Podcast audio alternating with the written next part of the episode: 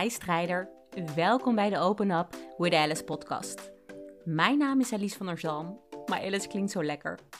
In deze podcast maak ik het onbespreekbare spreekbaar en wil ik de taboes doorbreken over zowel traumatische ervaringen als de dingen die we in het dagelijks leven tegenkomen. Ik neem je mee in mijn reis en ook in die van andere strijders om jou te laten zien dat een droomleven voor iedereen mogelijk is. Ook al ben je met 5-0 achterstand in het leven gestart. Met de juiste tools en mindset kan je alles bereiken. Welkom bij weer een nieuwe aflevering van de Open Up with Alice podcast. Ditmaal weer met een, eh, met een interview en voor mij een heel speciaal interview. Want ik ga Kevin, mijn partner, mijn vriend, uh, ga ik interviewen. Dus welkom uh, Kevin. Dankjewel partner. ik moet je zeggen dat ik het wel uh, apart vind dat ik met jou hier zit. Ik vind het heel erg leuk. Ook een beetje raar. Spannend niet heel erg, omdat ik wel weet hoe jij tegen onze relatie aankijkt. Maar het is natuurlijk wel een dingetje dat we het ook met de buitenwereld uh, gaan delen. Maar ik heb er wel heel veel zin in. Jij ook? Ik uh, kijk er ook naar uit. Ja, zeker. Fijn. Nou, om even kort in, uh, in te leiden. Ik heb via Instagram een, weer een poll eruit gegooid om, om jou te vragen van... Hè, waar heb jij behoefte aan? Wie zou ik interviewen? En eigenlijk bij elke poll die ik eruit gooide, kwam er wel uit om mijn vriend, om Kevin te interviewen. Dus ja, hè, dan uh, moeten we daar natuurlijk wel iets mee doen. Dus dat is ook waarom ik met hem zit. En het onderwerp van vandaag zal vooral gaan over hoe hij het ervaart om een relatie te hebben met mij. een relatie te hebben met iemand met trauma's.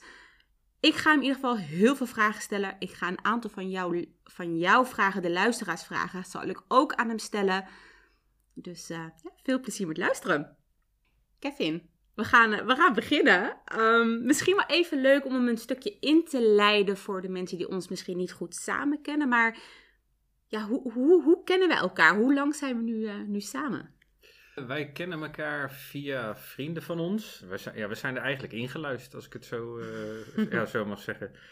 Wij kwamen allebei vanuit een bepaalde periode die niet helemaal lekker was voor ons. En wij zijn toen eigenlijk met kerst samengebracht door, door twee vrienden van ons. Een vriendin van jou, Mhm. die toevallig de partner was van een, een vriend van mij.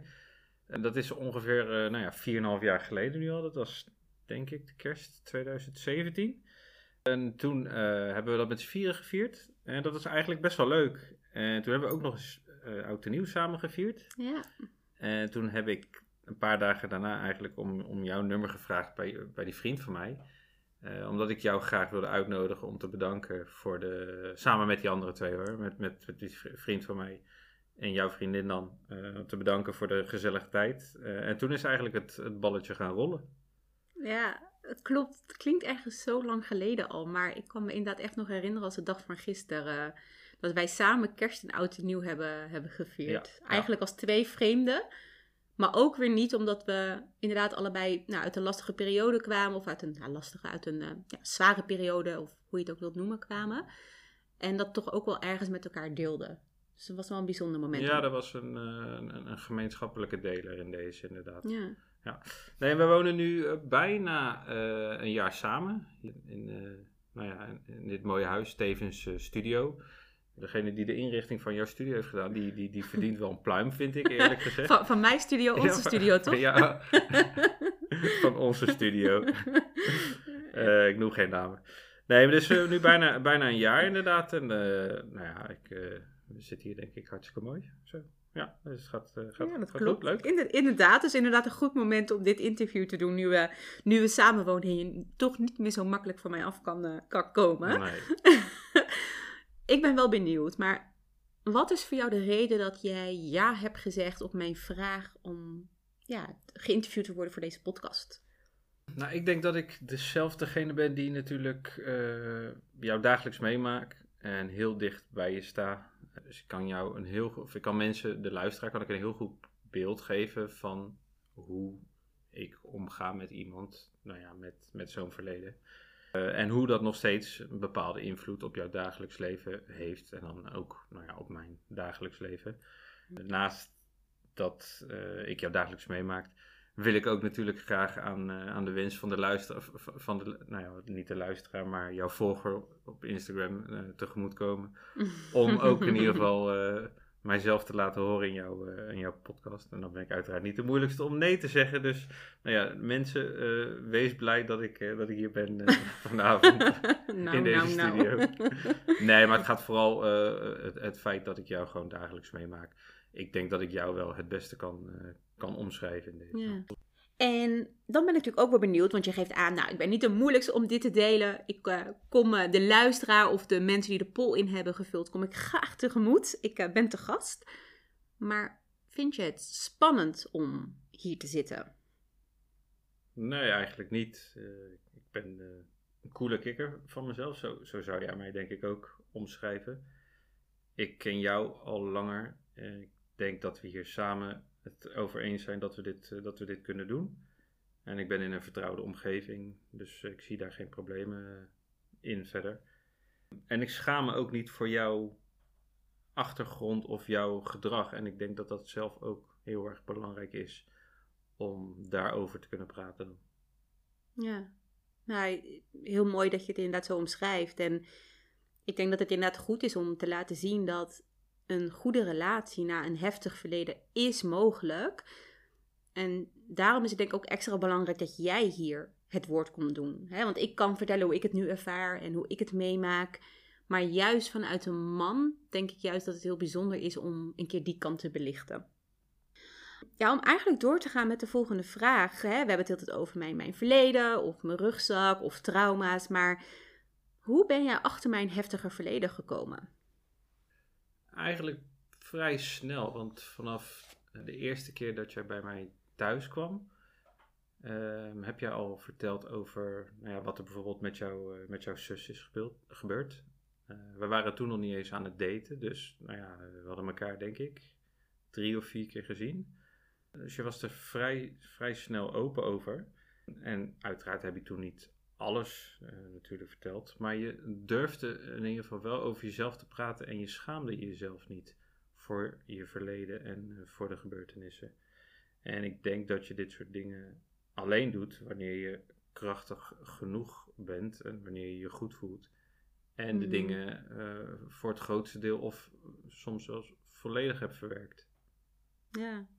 ja, dat klopt wel. We hebben inderdaad, we zijn vrij snel met elkaar gaan praten. Ik ben sowieso natuurlijk een fan van praten, maar dat weet je. En daarnaast heeft het mij ook wel geholpen dat wij elkaar ontmoet hebben, allebei in een lastige periode. Waardoor dat makkelijker was om sneller over wat ja, moeilijkere dingen te praten dan uh, alleen oppervlakkige, oppervlakkige dingen. Ja, je zei ook tegen mij dat, je, dat ik jou in een juiste periode heb ontmoet. Hè? Dat, ja. dat, eh, zei, want anders was je nooit op mij gevallen, zei je. En nee, je stond, je stond tegen dingen eh, heel anders aan, denk ik. En ja, anders was ik niet op jouw pad gekomen. Nee. Nee, ik denk dat dit een onderwerp is waar ik een keer een aparte aflevering over ga maken. Want daar kan ik echt wel veel over praten. Maar nee, dat klopt. Ik heb dat ook tegen jou gezegd. Dat jij eerder in mijn leven gekomen. Jij bent eigenlijk nooit het type man geweest waar ik op gevallen zou zijn. Maar doordat er bepaalde dingen in mijn leven waren gebeurd, stond ik opeens zo anders in het leven, uh, anders tegenover mezelf. Ja, dat ik ja, jou een kans heb gegeven en achteraf gezien ook wel heel blij uh, ben dat ik jou een kans heb, uh, heb gegeven. Zo, zo zie je maar, everything's happen, everything happens for a reason. Ja, dat is in dit geval ook wel gebleken, denk ik. Nou, echte schoonheid herkende je toen pas. ja, dat, dat, dat, kan, dat kan natuurlijk ook. um, ja, Kevin, wat merk jij nu nog van mijn verleden bij mij? Uh, laat ik beginnen met een positieve constatering. Want voor mijn gevoel is dat nu minder dan uh, in het begin van onze relatie. Uh, waarin we toen nog wel eens issues hadden over ja, trust, vertrouwen. ik merk bijvoorbeeld niet meer dat je bang bent om in de steek gelaten te worden.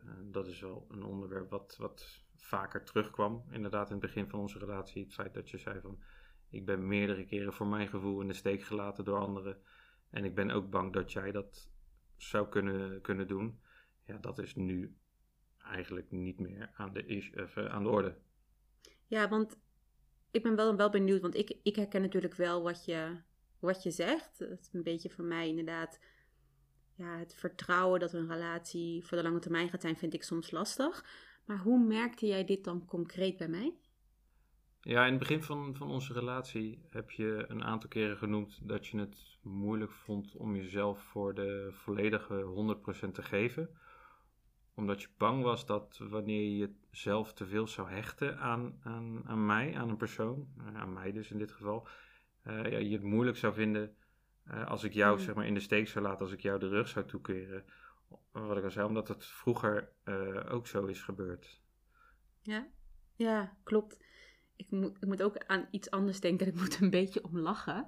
Um, maar ik weet ook in het begin van onze relatie dat ik het volgens mij echt wel, nou ja, tien keer of zo heb uitgemaakt. Of heb uitgemaakt. Het wou uitmaken. Echt uh, in een maand, in een maand tijd. Lijkt me ook niet altijd even makkelijk als je een vriendin hebt die constant maar weer aangeeft dat ze toch waarschijnlijk niet verder wil. Nee, dat is ook wel niet makkelijk.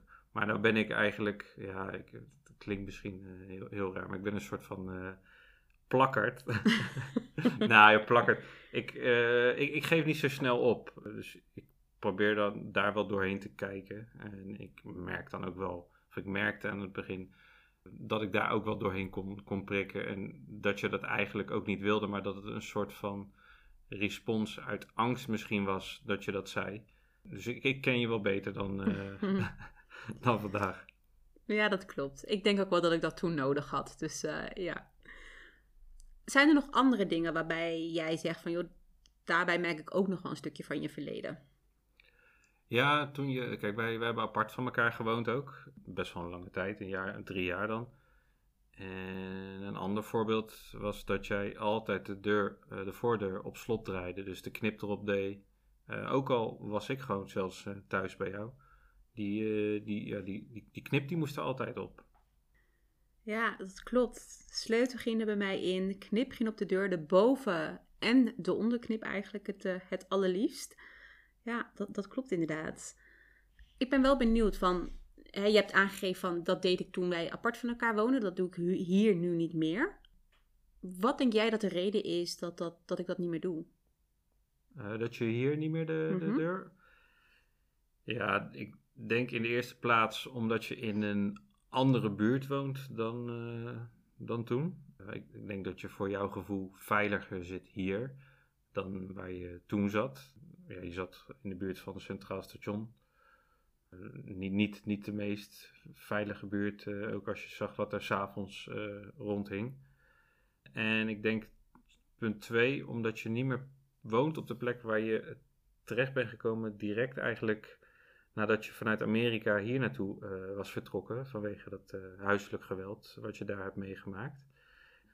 Ja, dat gevoel blijft dan misschien toch zeg maar uh, ergens kleven aan je. Dus het, feit dat je toen terugkwam vanuit Amerika, natuurlijk dat, nou ja, laten we het een trauma noemen, die, die traumatische gebeurtenis, wat, wat je toen hebt meegemaakt, dat dat je toch heeft, heeft achtervolgd daar ergens ook dat het toch een soort van afsluiting is geweest als je daar, toen, je daar, toen je daar wegging eigenlijk. Ja, ik vind het wel mooi hoe jij het omschrijft. Ik heb er zelf zo niet heel erg naar gekeken, maar ik kan me er wel een stuk in vinden. Wat het voor mij eigenlijk heel erg is geweest toen wij gingen samenwonen, heb ik eigenlijk mezelf gedwongen van, ja Alice, je kan dat hier niet gaan doen. Als ik hier met een sleutel en een knip, volgens mij hebben we hier geen zijn knip, maar nee. als ik hier met een sleutel in de deur ga slapen en jij komt laat thuis en jij niet, kan niet naar binnen, dat is gewoon niet heel praktisch. Dus ik heb mezelf echt wel gedwongen om, om het niet te doen. En ik moet je heel eerlijk zeggen dat ik eigenlijk geen last ervan heb dat ik de deur niet op een knip kan doen. Dus ik denk stiekem dat je wel ergens gelijk hebt dat dit nieuwe huis op een nou, wat fijnere locatie wel helpt bij die angst, ja. Maar heb je bijvoorbeeld ook het gevoel dat je dingen echt hebt achtergelaten in het, in het oude huis. Dus nou, je hebt natuurlijk mooie herinneringen aan, aan, aan het oude mm. huis, maar heb je ook het gevoel dat je toch een soort van negatieve ballast daar hebt gelaten? Mooie vraag. Nou ja en nee. Het is meer dat ik met mezelf afspraken heb gemaakt van toen ik met jou ging samenwonen van wat wil ik niet meer. En een van die dingen was niet angstig zijn in mijn eigen huis. Dus dat dat voor mij gewoon... Je moet het een beetje vergelijken met met een nieuw jaar. Hè? Dan zit 1 januari en heb je al die goede doelen die je gaat waarmaken. Nou, dat, dat was ook voor mij verhuizen. Van oké, ik ga verhuizen. Wat is dan inderdaad, wat wil ik achter me laten? Wat wil ik meenemen? Ja, en ik wou die angst achterlaten dat ik niet veilig ben in mijn eigen huis. En dan kan je vertellen dat het heel prettig is om uh, een keer wel veilig te voelen in, uh, in, mijn, in ons eigen huis. Ja, ja. Ja, gelukkig. Ja, klopt. Zijn er ook dingen waarvan je zegt, hè, want je geeft aan wat merk je van mijn verleden bij mij, maar wat merk je van mijn verleden of van mijn trauma's in onze relatie? Eh, nou, zoals ik al eerder aan, eh, aanhaalde, eh, steeds minder. Ik denk dat jij jezelf de afgelopen jaren heel erg positief verbeterd hebt. Hmm. Eh, omdat je aan jezelf gewerkt hebt, maar ook omdat je ziet dat het anders kan eh, met een partner eh, ja, zoals ik. Mhm. Ja, iemand die je eigenlijk niet probeert te bezitten, maar iemand die je behandelt als een gelijke, wat voor mij heel erg belangrijk is in een relatie. Dus dat je op hetzelfde level staat, dezelfde kansen, dezelfde Mm. Rechten, dezelfde plichten uiteraard Mm. ook. Eh, jij moet, net zo goed moet jij de, eh, dat, de, de koken, de wc schoonmaken, het bed opmaken, eh, enzovoort, enzovoort. Maar wat nog wel steeds hetzelfde is als in het begin van onze relatie is ja, het stukje naakt slapen. En dat je af en toe in één keer midden in de nacht rechtop in je bed zit. en jezelf even een paar seconden ja, eigenlijk onveilig voelt. Eh, een beetje verdwaasd eh, zit je om je heen te kijken dan.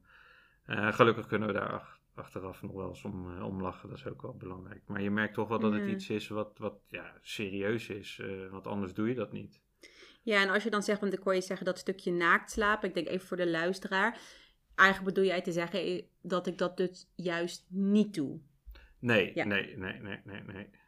Nee, ja, dat, dat klopt. Ehm, heb jij hier last van of hoe ervaar jij dit? Nou ja, last van hebben.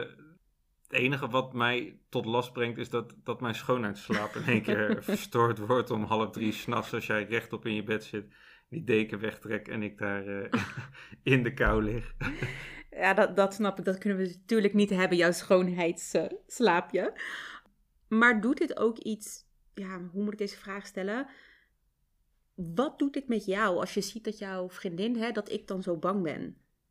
Poeh, goeie vraag. Moet ik even graven voor, want voor mijn gevoel is het al wel weer lang geleden dat ik jou voor het laatst zo rechtop in bed eh, zie. Ja, ik denk dat het vooral een gevoel geeft van eh, ik moet haar geruststellen, ik moet haar eh, beschermen. Dus Mm. soms praat ik dan ook tegen je en zeg ik dan dat je ja, rustig moet zijn en dat er niks aan de hand is en dat je gewoon eigenlijk weer kan gaan slapen. Ja. Dat is maar het beste, denk ik dan. Want ja, ik, eh, ik, kan wel eh, heel raar reageren en, en boos worden, maar ik denk niet dat ik jou daarin help. Nee, dat, nee, dat denk ik inderdaad, eh, denk ik inderdaad ook niet. Nee, ik omschrijf mijzelf ook vaak als een wilder slaper. Hm. Ehm, ik denk dat jij me nu in een iets rustige periode meemaakt, maar slaapwandelen is voor mij niet heel raar. Of in een andere kamer opeens staan of me omkleden midden in de nacht. Ja, het zijn wel dingen die, die ik doe in mijn, eh, in mijn slaap, ja. ja. Dus ik, ik, ik ben- wel een wilde in bed. Ja, ik- nou, nou, nou, nou, nou. Ja, ik heb je nog nooit van de gang moeten halen. Nee, dat is, nee, In dat je is, duster. dat is waar. Zijn er nog andere dingen? Nee, niet waar ik zo 1, 2, 3 op, eh, op kan komen. Eigenlijk hè, die dingen die jij nu benoemt, de dingen die jij bij mij merkt, eh, juist hè, die vanuit mijn verleden zijn gekomen. Hoe ga jij hiermee om? Nou, ik denk dat het vooral belangrijk is om je niet als een slachtoffer te behandelen of je, of je zielig te gaan vinden. Eh, zoals ik je al eerder zei, van ik wil je graag behandelen als een gelijk. En ik denk dat jij jezelf ook niet als slachtoffer ziet, maar als een strijder. Nou, als we beide deze perceptie hebben, dan Mhm. denk ik dat er op dat vlak nou ja, verder geen ruis zit. En voorkomt dat ook moeilijke eh, en of ongemakkelijke situaties. Ja, heel, heel mooi gezegd. En wat is dan, denk je, het positieve van een relatie hebben met iemand met een zware rugzak?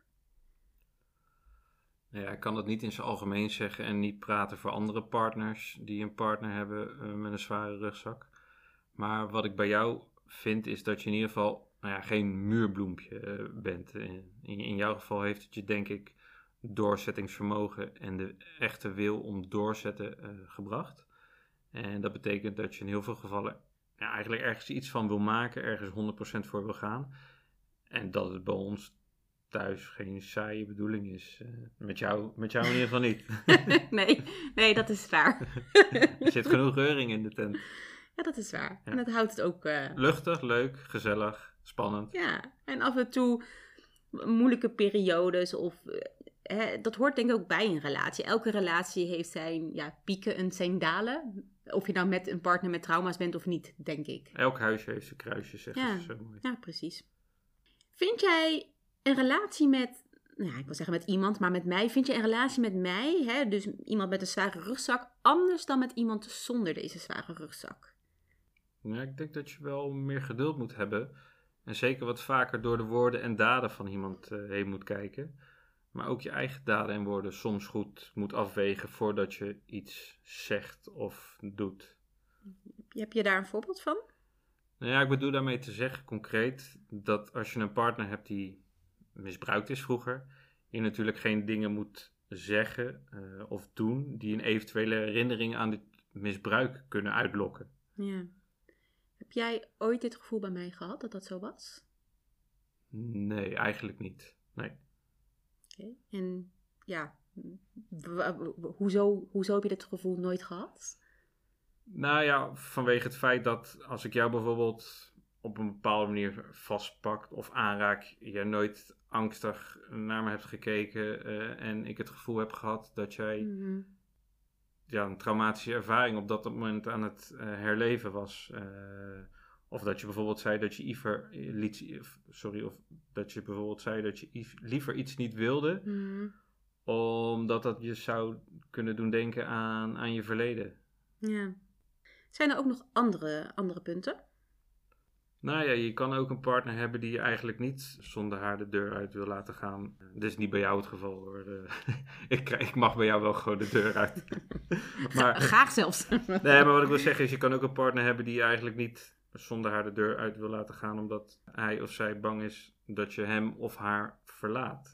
Je kan er dan voor kiezen om hier ja, eigenlijk alleen maar boos om te worden. Of je kiest ervoor om het gesprek aan te gaan en door de vraag heen te kijken naar de persoon die achter die vragen zit. Mhm. Dus dan begrijp, begrijp je waarschijnlijk ook wel waar dat vandaan komt. En ja, als je voor dat soort dingen het geduld probeert op te brengen, denk ik dat je respect afdwingt bij je partner. En kan het er alleen maar beter op worden. Ja. ja, dat denk ik ook. En ik denk dat dit niet alleen geldt voor een relatie hebben met iemand met een trauma, maar voor elke relatie. Nou ja, zeker. Dus Ja. zorg ervoor dat je weet wat, waarom iemand zo denkt, wat, wat de achterliggende gedachte is. En dan begrijp je Mm. het, denk ik. Maar ja, daar kom je alleen maar achter als je dat gesprek dan aangaat met, eh, met elkaar. Ja. Ja, wat, wat ik zelf, hè, om een voorbeeld te geven, wat ik zelf heel erg merk, is dat mijn emotie soms echt van 0 naar 100 kan gaan. En dat ik daarnaast ook niet echt gewend ben om een, ja, om een gezonde ruzie te hebben met iemand.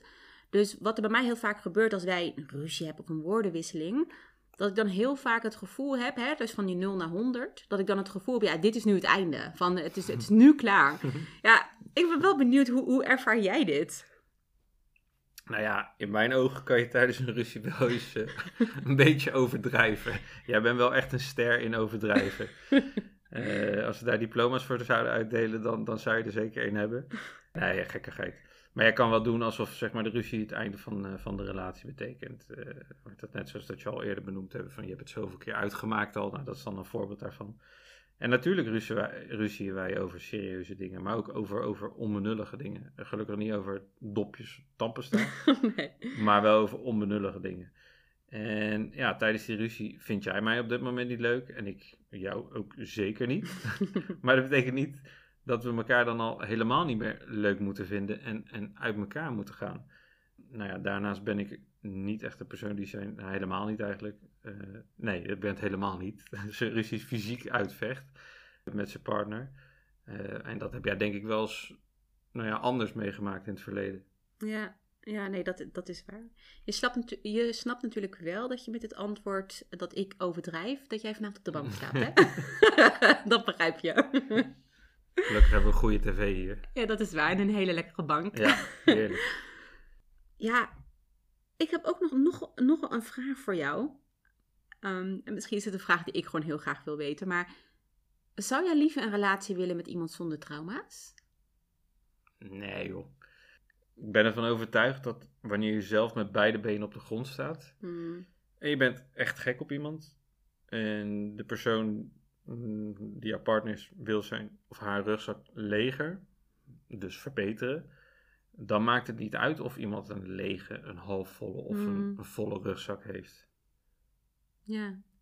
ja, ik ben heel blij dat je dit aangeeft. Ik merk best wel, ik eh, zie dat bij meerdere vrouwen, maar ook bij mezelf, dat we er best wel een zwaarte aan kunnen hangen. Van, ja, omdat ik een zwaar verleden heb, eh, zal dat wel lastig zijn in een relatie. Maar iedereen heeft een verleden. En het is maar net inderdaad hoe jij met je verleden omgaat, of dit een zwaarte of juist niet in jouw relatie gaat meebrengen. Dus eigenlijk precies wat jij zegt, van wat heb jij met je rugzak gedaan? Ja, ben ik het helemaal, helemaal mee eens.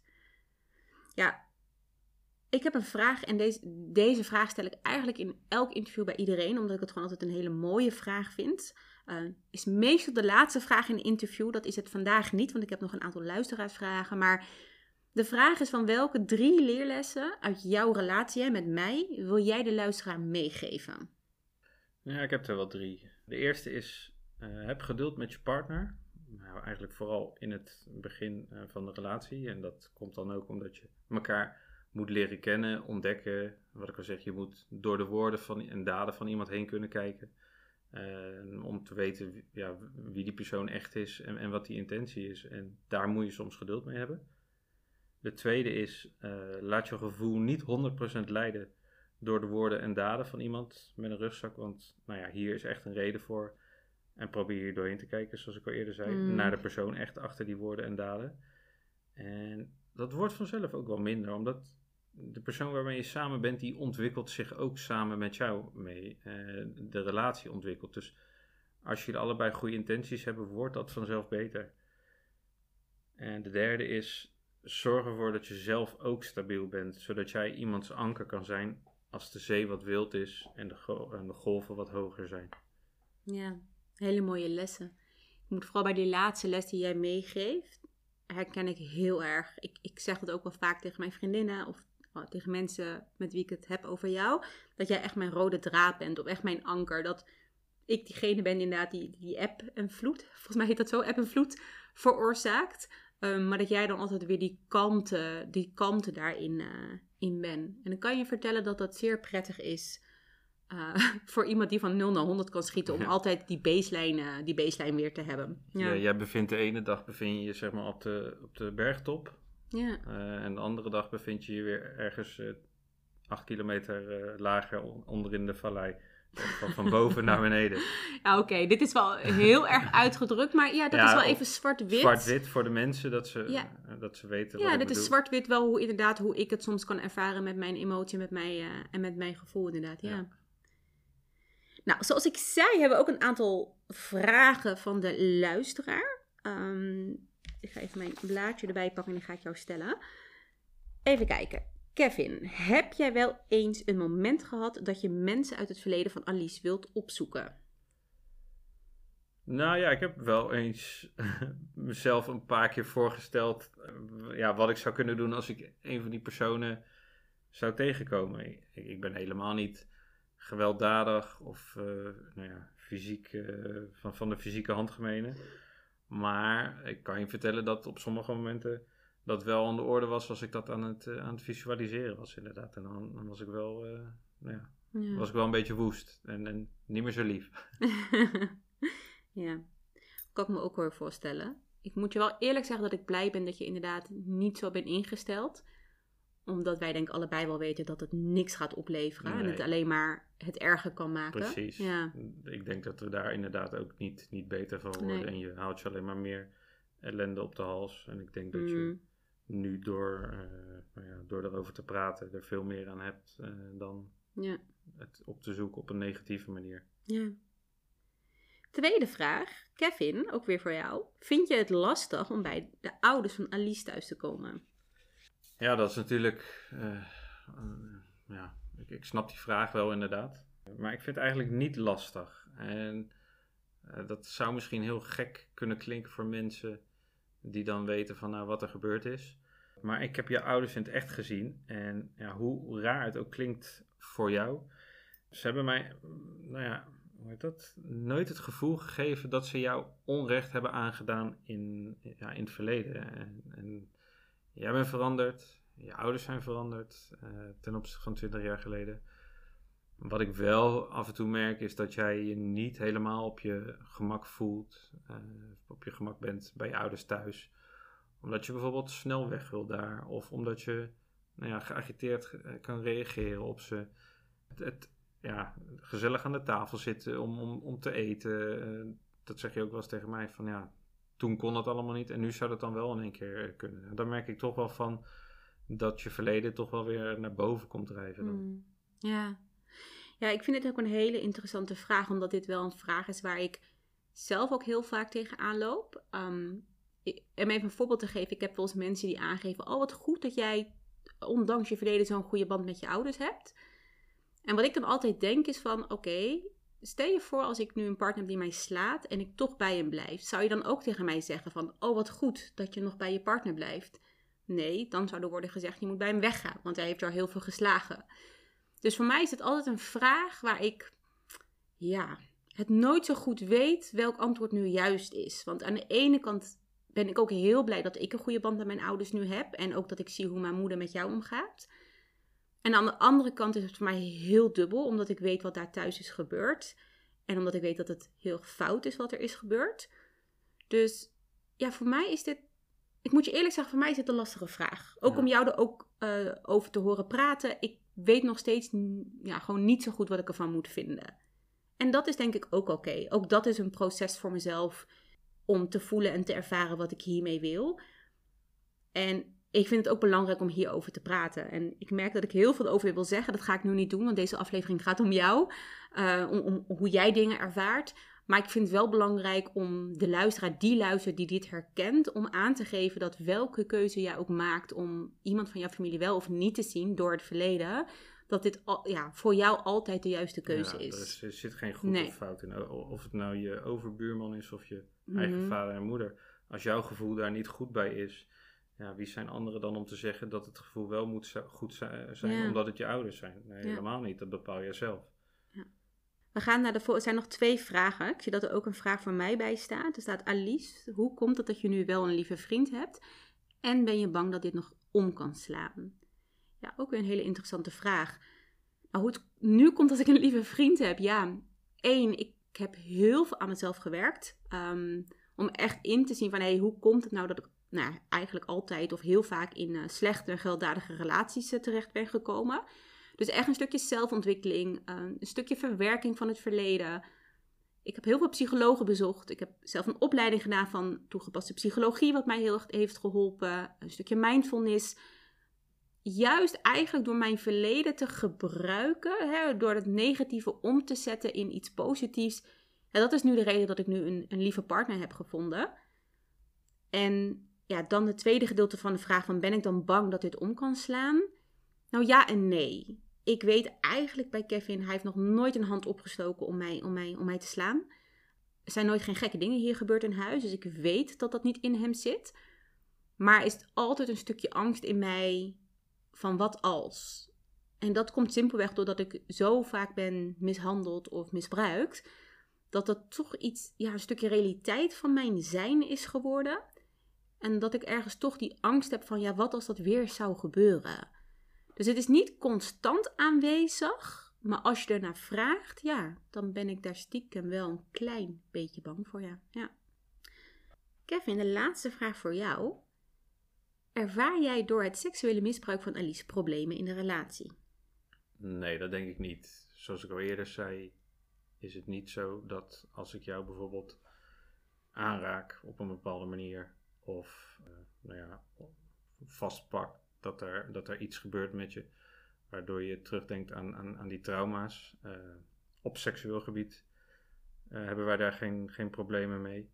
Dus dat is ook wel fijn. En ja, ik denk dat dat mij wel terughoudender zou maken in bepaalde dingen als ik een, een negatieve reactie zou krijgen van jou op bepaalde handelingen van mij. Nee, dus ik denk dat dat een, een, een stukje in het verwerkingsproces is wat jij heel goed hebt verwerkt. En gelukkig maar. Uh, ja, want ik denk dat dat best wel wat problemen inderdaad anders zou kunnen, met zich mee zou kunnen brengen. Nee, dus dat, uh, dat heb je goed gedaan. Schouderklopje. nee, dat is inderdaad een stuk waar wij niet echt over mee kunnen praten. Daar zouden we geen voorbeelden van kunnen geven of um, oplossingen kunnen geven. Hoe kan je daarmee omgaan? Omdat wij dat inderdaad simpelweg niet ervaren in onze, onze relatie. En gelukkig ook maar. Ik bedoel, er zijn genoeg andere dingen die wij wel ervaren. Dus het mag ook wel iets goed gaan natuurlijk. Nee, dit, dit waren de vragen. Ik uh, moet je zeggen, Kevin, ik vond het leuk om jou te interviewen. Het is toch even een soort van een andere rol die je aanneemt als, ik, jou, uh, als ik jou interview. Ik vond het leuk om je, ja, of interessant om je antwoorden te, te horen. Ik wist natuurlijk wel al, uh, al vanuit jou, maar het is toch altijd net even iets anders als je zo aan de tafel zit met de microfoon ertussen. Ja, nee, zeker. Ik vond het ook een interessante ervaring en ik hoop vooral dat nou ja, een aantal van onze luisteraars, van jouw luisteraars. Ja en, en uh, eventueel de partners daarvan gewoon dingen mee kunnen nemen die zouden kunnen helpen, ondersteunen in de problemen die zij uh, misschien ervaren. Ja. ja, en wat ik heel erg hoop met dit interview is om te laten zien dat zelfs naar een gewelddadig verleden of een heftig verleden, dat er echt een hele lieve partner op je, op je pad kan komen. Dus heb gewoon hoop. Ja, ik zeg altijd op elk potje past een dekseltje. Zeker. Um, er gaat iemand komen op jouw pad die jou heel gelukkig gaat maken. En dat zal echt niet elke dag zijn. Wij hebben ook onze dingen. En uh, soms kan ik Kevin ook wel achter het behang plakken. En hij mij ook. Maar dat hoort erbij. Uiteindelijk gaat het erom dat je gezond ruzie met elkaar maakt. Of gezonde ja, woordenwisselingen hebt. Ja, om gewoon een gebalanceerde relatie eh, te hebben, denk ik. Ja, en uh, nou ja, vooral de, de handjes thuis te houden inderdaad. Ja. Houd respectvol naar elkaar nou ja, zorg dat je elkaar sowieso altijd lief hebt, ook al heb je ruzie. Ja, ik denk dat dat inderdaad het belangrijkste is. Ook het goed maken na een ruzie ja. is heel belangrijk. En wat er ook gebeurt, respectvol blijven. Ja, ik denk dat een hele mooie, mooie, hele mooie, mooie, een hele mooie eindboodschap is. Dat respect staat gewoon echt op, uh, ja, eh, hoog op het lijstje. En natuurlijk, en dat zeg ik in elke aflevering, praten. Of dat nou is over je problemen, over je verleden, maar ook in je relatie. Praten is echt in mijn ogen wel ja, stipt op nummer één. communicatie met elkaar, dat kan echt zoveel dingen verhelpen. Of, of voorkomen. Ja. Nou, dankjewel voor het, uh, voor het luisteren. Dit was de aflevering met Kevin, uh, met mijn vriend. Ik ben heel erg benieuwd wat je hiervan meeneemt. Of er misschien toch nog vragen bij je naar boven zijn gekomen. Laat dit vooral even weten. Je kan in de show notes kijken voor mijn e-mailadres. Je mag me altijd mailen. Je mag me ook volgen op Instagram, Open Up with Alice. En stuur me daar vooral een DM'tje. Want ik hoor natuurlijk, of we horen natuurlijk graag jouw feedback. Dankjewel. Dit is alweer het eind van de podcast. Dankjewel voor het luisteren. Ben jij nieuwsgierig naar meer? Abonneer je dan op mijn podcast en ik zou het super leuk vinden als je me volgt op Instagram. Dit kan onder Open Up with Alice. Voel je vrij om mij hier een berichtje te sturen? Ik hoor namelijk erg graag wat je van deze aflevering vond. En onthoud, mijn verhaal is jouw verhaal en jouw verhaal is ons verhaal.